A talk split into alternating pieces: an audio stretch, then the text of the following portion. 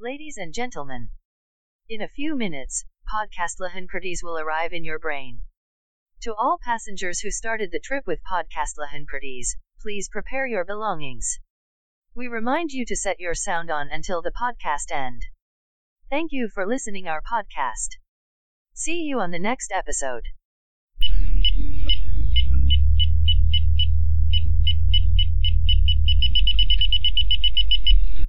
Halo teman-teman, selamat datang kembali di podcast Lahan Kritis. Kayaknya udah lama banget nih nggak menyapa teman-teman pendengar podcast Lahan Kritis. Nah, kali ini aku, Raffi Nur Faizi, akan menemani teman-teman podcast Lahan Kritis. Nah, kali ini kita bakal ngobrol-ngobrol dan diskusi juga sama teman-teman narasumber dari Kementerian Kajian Strategis dan Kementerian Aksi dan Propaganda. Nah, kedua kementerian ini tuh berada di bawah naungan Kemenkoan Pengetahuan dan Pergerakan. Pasti teman-teman penasaran juga nih, siapa sih teman-teman narasumber yang bakal ngobrol-ngobrol bareng? Kita langsung kenalan aja nih tem sama teman-teman narasumber. Silakan Mas Mbak teman-teman narasumber. Oke, uh, salam kenal semuanya teman-teman pendengar podcast Lahan Kritis. Kenalin, aku Gary Novrian, teman-teman bisa panggil aku Gary. Uh, mungkin sekian, salam kenal ya teman-teman. Halo uh, teman-teman podcast Lang Kritis, perkenalkan aku Raihana, biasa dipanggil Hana. Salam kenal ya semua. Halo, aku dari Kementerian Aksi dan Propaganda, namaku Pandu. Salam kenal. Oke teman-teman, kita udah paham nih sama orang-orang yang bakal kita ajak ngobrol tentang di podcast Lang Kritis ini. Nah, teman-teman pasti pengen tahu juga gitu arah gerak dari Kemenkoan Pengetahuan dan Pergerakan ini. Mungkin salah satu narasumber bisa menjelaskan nih, apa sih arah gerak dari Kemenkoan ini? Oke, baik uh, terkait arah gerak ya. Jadi untuk uh, Kementerian Kajian Strategis dan Aksi dan Propaganda itu sendiri itu kan berada di bawah naungan Kemenkoan Pengetahuan dan Pergerakan atau biasa di teman-teman akrab sapa itu uh, pekan. Nah, secara keseluruhan uh, kita memiliki arah gerak yang sama di mana arah gerak strategis yang kita miliki itu terbagi menjadi tiga paruh waktu di mana di paruh waktu pertama uh, itu ada tentang lingkungan kehutanan dan reforma agraria, kemudian di paruh kedua setelah uh, setelah itu ada uh, apa program legislasi nasional atau prolegnas. Kemudian uh, di akhir periode, uh, periode nanti atau di paruh waktu ketiga itu kita nanti uh, mengawal tentang omnibus law seperti itu teman-teman. Oke, kita jadi paham nih arah gerak dari Kemenkoan Pengetahuan dan Pergerakan. Eh, tapi pasti teman-teman dengar nih salah satu isu yang diangkat di salah satu paruh waktu itu ada uh, isu tentang lingkungan. Itu di paruh waktu pertama nih dari arah gerak Kemenkoan Pengetahuan dan Pergerakan. Nah, kebetulan isu lingkungan ini uh, berkaitan dengan peringatan Hari Bumi pada tanggal 22 April tahun 2000 tahun 2021 kemarin ini. Nah, pasti teman-teman udah paham nih uh, Hari Bumi itu apa. Jadi Hari Bumi itu uh, peringatan pada tanggal 22 April satu tahun sekali. Hari Bumi itu secara besar untuk meningkatkan kesadaran kita akan lingkungan. Nah, kita langsung masuk aja nih uh, tentang masalah yang paling umum yaitu masalah tentang sampah. Mungkin teman-teman narasumber bisa jelasin gimana sih pandangannya tentang permasalahan sampah itu? Ya, sampah ya. Jadi sampah tuh segala sesuatu yang kita hasilkan baik sehari-hari maupun industri dan lain sebagainya. Terus sampah ini menjadi problematika yang sangat krusial di Indonesia karena Indonesia pun sekarang menjadi nomor dua di penghasil sampah di dunia yaitu sebanyak 5,4 juta ton per tahun dan ini dikemukakan sama Indonesia Solid Waste Association. Nah, sampah ini juga menjadi penyebab utama dari bencana alam ya, seperti banjir, tanah longsor, terus masalah kesehatan juga. Nah, sampah ini ada, ada banyak selain sampah plastik yang menjadi problem juga itu sisa makanan. Karena sisa makanan menghasilkan gas berupa metana yang dapat merusak ozon dan dan menyebabkan global warming ya. Ah, benar benar benar. Nah, sampah ini selain mengganggu manusia juga mengganggu biota laut. Sampah-sampah di laut itu juga sangat banyak. Sehingga mungkin ya Indonesia juga harus ambil andil sih buat masalah sampah di Indonesia ini. Ya, uh, aku juga setuju nih sama pendapatnya Pandu. Uh, jadi sampah Indonesia itu masih terbilang cukup tinggi ya. Terus uh, dari data yang aku baca nih di websitenya Sistem Informasi Pengelolaan Sampah Nasional atau biasa disingkat dengan SIPSN sebesar 45,89% ton per tahun itu belum dapat dikelola dengan baik gitu. Hal-hal yang bisa menjadi penyebab sampah masih terus ada tuh yang dan cukup tinggi itu uh, mungkin karena banyak orang-orang juga yang uh, masih tidak mendapatkan sampah pada tempatnya dan juga orang-orang yang uh, seperti industri atau misalnya uh, tempat uh, yang memproduksi bungkusan atau kemasan itu belum banyak mengganti uh, ke bahan yang uh, lebih ramah lingkungan. Oke, terima kasih atas penjabarannya nih teman-teman narasumber. Nah, dari pengolahan permasalahan sampah itu ternyata cukup mengagetkan ya gitu ya. Nah, mungkin aku ingin uh, kepo juga nih tentang gimana sih hmm, pengolahan sampah yang efektif menurut teman-teman narasumber ini. Mungkin bisa dijawab nih dari Mas Gary mungkin bisa jawab. Oke, okay, uh, eh, ini menyambung ini sih tadi uh, statement yang dikatakan sama Pandu dan Hana. Kalau dari yang aku tangkap, nah persoalan sampah ini merupakan apa ya istilahnya uh, permasalahan yang terbesar ya bisa dikatakan seperti itu. Betul uh, sekali. Benar. Nah, dengan adanya per permasalahan yang luar biasa ini atau istilahnya uh, menjadi permasalahan utama sendiri khususnya di lingkungan, ya kita juga perlu tahu upaya-upaya yang harus dilakukan terkait pengolahan sampahnya itu sendiri. Nah, kalau dari aku sendiri, uh, perspektifku pribadi ya ini teman-teman. Nah, kalau uh, apa pengolahan sampah itu harusnya dimulai dari tingkat tapaknya terlebih dahulu.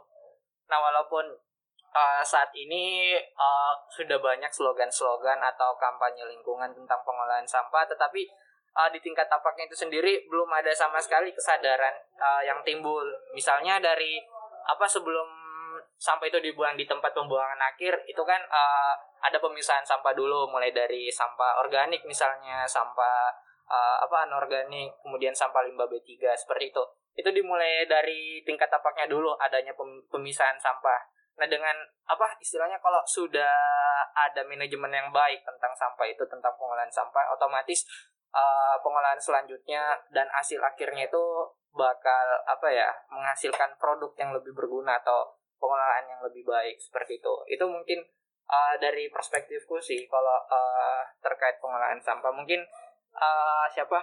Hana mungkin atau Pandu yang setiap hari lihat permasalahan sampah gitu untuk mengarah ke pengolahan, kita perlu adanya kesadaran yang tinggi dari masyarakat. Karena kalau masyarakat nggak sadar, pengolahan nggak mungkin terjadi dong. Nah, masyarakat ini masih masih rendah masalah kesadaran akan sampah tadi.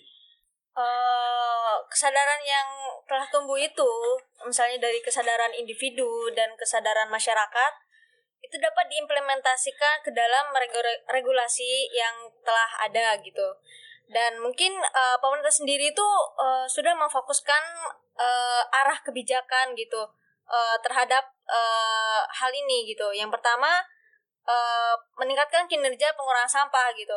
Hal ini itu bisa dilakukan melalui pembatasan sampah, melalui melalui penerapan tanggung jawab produksi yang lebih luas. Dan kedua juga uh, meningkatkan kinerja penanganan sampah gitu. Penanganan sampah ini meliputi pengumpulan sampah yang melalui penyediaan sarana pemilahan yang sesuai standar, penyediaan pedoman teknis pemilahan, dan juga optimasi peran bank sampah gitu sendiri itu sendiri. Oh ini kan apa uh, terkait yang kamu sebutin tadi uh, itu kayaknya udah dituangin ke beberapa regulasi ya yang dikeluarin sama pemerintah gitu. Oh iya iya betul kan. Nah kalau nggak salah itu aku uh, uh, sempat lihat atau sempat pernah baca sekilas ya uh, di mana kalian tadi sebutin tentang apa adanya kesadaran uh, individu masing-masing dulu untuk pengolahan sampahnya kemudian dari kesadaran itu barulah uh, timbul manajemen yang lebih baik hingga munculnya regulasi-regulasi uh, yang pantas untuk diimplementasikan terhadap pengolahan sampah. Nah, contoh halnya itu seperti uh, regulasi ini apa namanya? Uh, PP 27 tahun 20. Nah, di situ kan uh, PP 27 tahun 20 itu tentang pengolahan sampah spesifik di mana itu ada udah apa udah ada pengelompokan sampah, berbagai jenis pengolahan dan lain-lainnya. Nah, sekiranya di uh, salah satu regulasi itu bisa cukup diwujudkan sih terhadap pengolahan sampah. Kalau aku seperti seperti itu. uh, melihat dinamika yang seperti yang yang ada. Oke teman-teman pendengar podcast nih, jadi kali ini bahasan mengenai topik permasalahan sama tuh jadi menarik banget ya. Uh, jadi Benar, benar. regulis- regulasi ini juga harus dibarengi sama kesadaran masyarakat yang tinggi sehingga kita nanti punya solusi nih dari permasalahan sampah tersebut. Nah, berkaitan dengan sama plastik, utamanya di Indonesia, Indonesia itu jadi penghasil sampah terbesar kedua seperti yang sudah disebutkan sama Mas Pandu. Nah, dengan demikian diperlukan juga nih kebijakan dalam penanganan permasalahan sampah seperti halnya zero waste. Nah, zero waste ini adalah sebuah konsep hidup berkesadaran untuk menggunakan produk sekali pakai dengan lebih bijak dan mengutamakan produk-produk yang umur pakainya lebih panjang. Oke teman-teman narasumber, kali ini aku bakal tanya nih eh, mengenai kesan singkat aja, kasih kesan singkat tentang zero waste di Indonesia. Kesan singkatnya itu bebas boleh, wah atau kaget atau shock banget, eh shock atau bebas terserah. Silakan nih. Dari aku mungkin susah sih ya. Oke. Eh, kalau dari aku sendiri itu semoga saja bisa. Oke, lanjut. Susah semoga saja uh, sebenarnya zero waste ya terkait uh, satu kata dari aku zero waste mustahil. Kenapa uh, mungkin berkaitan dengan jawaban Hana sama Pandu juga mustahil uh, ber- berhubungan dengan mustahil soalnya gini kita itu saat ini sudah hidup berdam bisa dibilang sudah berdampingan dengan sampah hidup berdampingan dengan sampah bahkan uh, gejolak sampah yang ada saat ini itu bisa dibilang mustahil buat dilakukan pengolahan lebih lanjut. Nah itu sebenarnya menjadi tantangan kita buat semua, di mana uh, kita harus mengevaluasi sih gaya hidup kita masing-masing mulai dari produk sekali pakai mungkin dan uh, berbagai upaya selektif dan yang lainnya seperti itu. Oke, jadi secara garis besar nih, pandangan Mas Giri tentang Indonesia menerapkan zero waste itu sangat sukar ya diimplementasikan. Jadi keberhasilan di Indonesia yang mungkin kecil ya bisa dibilang ya. Nah, Aku kalau mikirnya gitu sih, Ah, bahkan oke. sulit gitu. Tapi kalau eh, dari pendapatku sendiri itu eh, masih agak bertolak belakang sama pendapatnya Gary. Eh, menurutku eh, penerapan waste di Indonesia ini bisa saja terjadi gitu kan. Karena eh, penerapan penerapan waste ini juga sudah mulai apa ya? Mungkin belum banyak gitu ya. Eh, tapi ada beberapa gitu seperti halnya di supermarket gitu kan. Udah ada yang eh, melarang kita untuk eh, menggunakan plastik gitu. Makanya harus membawa kantong belanja dan itu eh, tentunya akan berdampak pada ramah lingkungan. Dan juga eh, pada kebijakan yang lainnya pun eh, zero waste itu sudah banyak didukung oleh pemerintah gitu kan, oleh banyak eh, malah di belahan dunia pun eh, pemerintah dunia pun sudah mendukung adanya eh, penerapan zero waste ini gitu.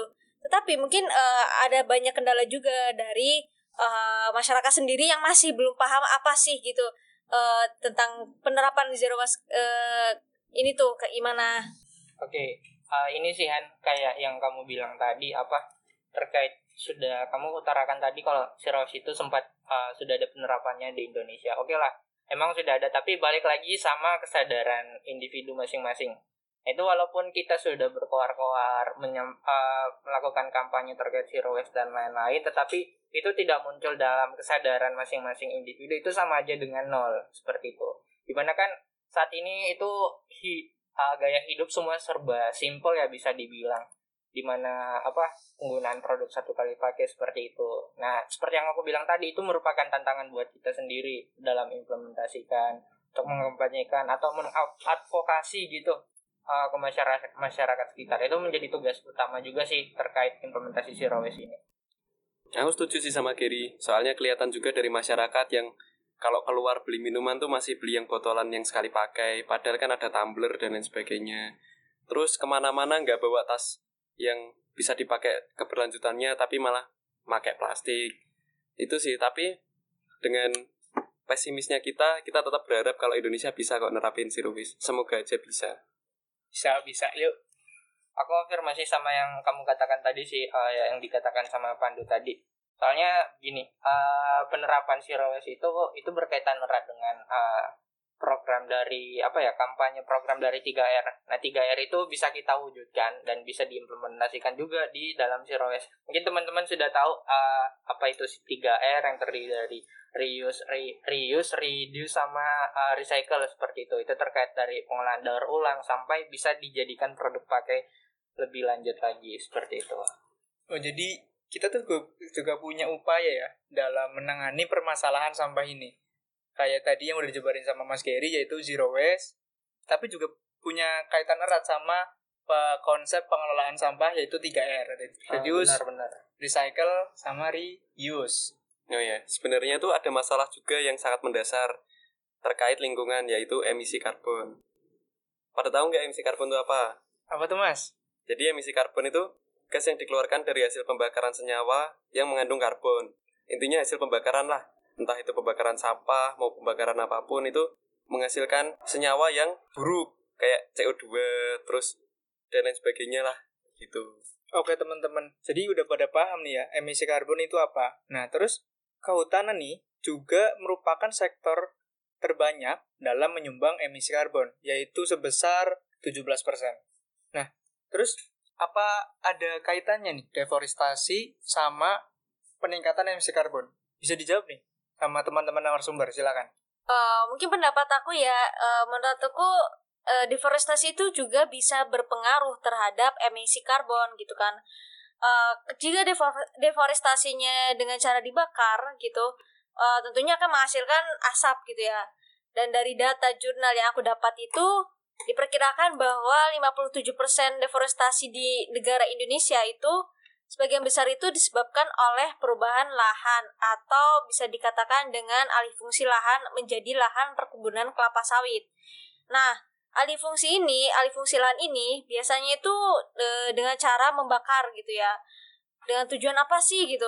Ya, tujuannya tentu untuk lebih cepat dan biaya yang lebih relatif murah gitu kan.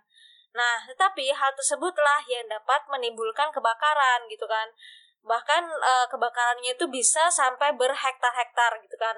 Nah sehingga asap-asapnya pun uh, yang semakin banyak gitu dapat meningkatkan emisi karbon. Oke terkait uh, emisi karbon seperti yang kamu katakan tadi Han uh, sebenarnya ada hal lain juga sih. Uh, meskipun tadi secara masif itu kan adalah uh, pembukaan lahan. Di mana dilakukan uh, secara besar-besaran utamanya untuk konversi menjadi perkebunan kelapa sawit. Tetapi uh, ini mungkin sebagai gambaran, aku pengen sedikit cerita uh, bagaimana itu dinamika emisi karbon bisa sangat besar seperti yang saat ini. Nah ini kan hutan, awalnya fungsi hutan itu atau fungsi pohon itu sendiri, itu kan menyerap karbon ya, menyerap CO2 yang dihasilkan itu baik dari uh, asap kendaraan, pabrik, dan lain-lain. Itu kan diserap sama uh, hutan sehingga hutan itu dikatakan sebagai paru-paru dunia. Nah, ketika keberadaan hutan itu ter apa terdegradasi mengalami deforestasi, nah karbon karbon apa karbon yang ingin diserap sama pohon atau hutan itu otomatis uh, uh, apa ya tidak mempunyai wadah lagi sehingga bisa naik sampai ke lapisan ozon dan dan hal itu juga bisa dikatakan sebagai efek apa efek gas rumah kaca Nah, seperti itu. Nah, dalam efek gas rumah kaca itu sendiri itu sangat berkaitan menjadi problematika-problematika selanjutnya uh, di mana sekarang ini apa krisis iklim dan lain-lain. Mungkin uh, hal mendasar itulah uh, mengapa deforestasi itu dikatakan sebagai penyumbang terbesar terkait emisi karbon. Kalau itu aku pendapatku pribadi seperti itu. Itu mungkin teman-teman. Oke, jadi ada kaitannya ya Mas, deforestasi sama emisi karbon dan udah dijabarin panjang lebar nih sama Mas Kerry. Terus nyangkut juga ke gas rumah kaca. Nah, terus apakah ada problematika lain nih yang membuat emisi karbon itu menjadi meningkat? Gimana nih pendapat lain? Mungkin dari Mas Pandu ada pendapat lain? Tentu aja ada ya. Kayak kendaraan bermotor, terus industri, pembakaran industri juga itu sangat menyumbang sangat banyak untuk emisi karbon di Indonesia. Jadi untuk selanjutnya mungkin bisa digalakkan untuk bersepeda. Nah, itu sangat menolong itu. Kayak contohnya kemarin tapi kok cuma sebentar waktu Covid itu. Tapi sekarang sekarang udah enggak dan balik lagi naik motor emisi karbon lagi itu itu kan udah gaya hidupnya orang Indonesia sih males gitu males Betul capek lah Sim mau yang simple aja makanya ya pakai uh, motor bahan bakar lagi terus emisi lagi kayak gitu sih dinamika kehidupan atau gaya hidup atau mungkin eh, sepedaan jadi kayak cuma tren doang ya mas jadi nggak berkelanjutan gitu ah Mhm, itu jadi ajang pamer. jadi Hmm. tren Ajang doang pamer. Oke oke oke. Jadi ada dia uh, peningkatan emisi karbon problematika lain itu ada. Nah terus sekarang gimana nih aksi mitigasi yang dilakukan masyarakat atau mungkin pemerintah dalam mengatasi emisi karbon tersebut nih? Mungkin bisa dijawab oleh Mbak Hana. eh mitigasi ya mungkin yang aku tahu itu pemerintah itu juga sudah eh, mulai eh, apa ya menerapkan gitu eh, dalam mengatasi hal-hal yang sudah di eh, dijabarkan sebelumnya gitu. Da- dalam hal ini tuh eh, pemerintah juga udah mendorong program yang namanya kendaraan listrik gitu. Dan mungkin nanti eh, apa ya eh, pada tahun 2030 itu direncanakan 13 juta unit motor itu bisa eh, menggantikan eh, ya intinya 13 juta unit motor itu eh, apa ya bertenaga listrik ya tentunya. Dan eh, harapan tersebut itu bisa menggantikan konsumsi BBM yang biasanya itu 77.000 barel per hari sehingga menurunkan dapat menurunkan emisi eh, karbon itu sendiri. Ah, jadi terkait apa tadi kan yang program pemerintah kendaraan listrik itu ya? Betul betul Ger. Sebenarnya menarik juga sih terkait kendaraan listrik tapi ah, ada yang lebih menarik lagi sih. Itu terkait ah, apa emisi karbon atau mitigasi perubahan iklim. Itu dengan adanya program pemerintah terkait restorasi ekosistem. Bahkan sekarang itu sudah ada ah, apa ya izin usaha tentang ah, restorasi ekosistem. Namun ah, bisa dibilang masih dalam skala yang kecil dilakukan di Indonesia dibandingkan negara-negara yang sektor kehu- kehutanannya sudah sudah maju menurut aku pribadi uh, restorasi ekosistem itu merupakan program yang paling mulia sendiri Uh, selain apa untuk uh, mencegah adanya emisi karbon itu juga mengembalikan keberadaan hutan alam yang selama ini ter- terdegradasi oleh uh, ter- uh, apa ya uh, yang telah terdegradasi sama perbuatan-perbuatan yang tidak mengindahkan uh, lingkungan dan kehutanan seperti itu.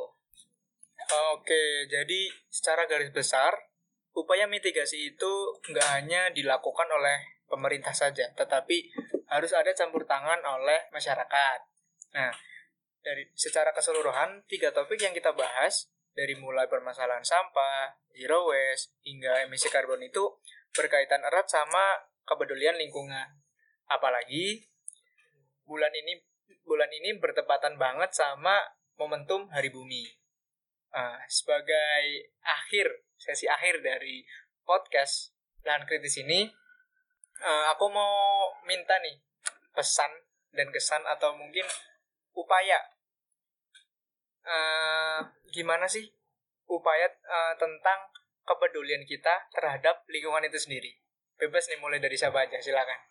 kalau dari aku sih masyarakat Indonesia itu sebenarnya bisa tapi beberapa dari mereka emang nggak sadar bukan nggak sadar belum sadar untuk melakukan itu. Dan semoga saja dalam waktu dekat-dekat ini mereka kompak untuk sadar. Eh, mungkin dari aku eh, pesannya adalah semoga saja eh, dengan adanya lahan eh dengan adanya podcast lahan kritis ini kita bukan hanya sekedar eh, ikut eh, apa ya ikut memikirkan juga oh ya ini itu gini oh ya itu tuh gitu tapi juga kita semoga eh, bisa sama-sama menjalankannya gitu ikut membantu pemerintah dalam eh, apa ya menerapkan kebijakan-kebijakan yang sudah dikeluarkan gitu untuk Indonesia yang eh, lebih baik. Siap. Oke, terakhir Mas Gary, gimana nih? Aduh apa ya? Aku sebenarnya agak bingung juga terkait eh, mungkin yang aku sampaikan upaya-upaya untuk eh, apa ya kepedulian lingkungan sendiri. Tetapi eh, yang selama ini yang aku lihat, yang aku terapin itu kita bisa mulai dari hal-hal kecil yang lebih dulu. di mana dimulai dari seperti yang gue katakan sebelum-sebelumnya juga dimulai dari tingkat tapaknya dulu mungkin dari uh, per, apa ya kegiatan yang lebih kecil dulu seperti uh, apa ya membuang sampah pada tempatnya hemat energi terus jangan ada pemborosan energi itu berkaitan dengan hal itu. Terus yang mungkin ku tekankan di sini itu terhadap keberadaan hutan itu sendiri juga. Mungkin teman-teman juga perlu tahu bahwasanya hutan itu memiliki nilai yang sangat luar biasa sih di ekosistem atau di bumi kita saat ini. Bahkan nilainya itu bisa lebih lebih lebih berharga dibandingkan harga berlian seperti itu. Kenapa saya katakan demikian? Kalau misalnya uh, hutan keberadaan hutan itu terus tergerus terus terdegradasi nah itu bumi kita itu ya mau gimana lagi bahkan awal dari kemusnahan manusia sendiri itu bisa jadi dengan tergerusnya keberadaan hutan sendiri. Jadi perlu ditekankan, ayo kita sama-sama jaga dan lestari, lestarikan keberadaan hutan kita demi uh, masa depan bumi kita dan lingkungan kita yang uh, lebih baik ke depannya. Itu sih pesanku buat teman-teman semuanya dan juga teman-teman podcast pendengar lahan kritis seperti itu. Wah, diskusi pada malam hari ini jadi menarik banget ya. Uh, terus pernyataan pernyataan dari teman-teman narasumber ini sekaligus jadi penutup pada episode podcast kali ini. Pokoknya stay tune terus ya teman-teman di episode-episode selanjutnya di podcast Ran Kritis dan jangan lupa nih uh, diterapkan upaya atau pesan-pesan singkat dari teman-teman narasumber tadi. Oke, sampai jumpa kembali di podcast Ran Kritis teman-teman. Terima kasih. Ah.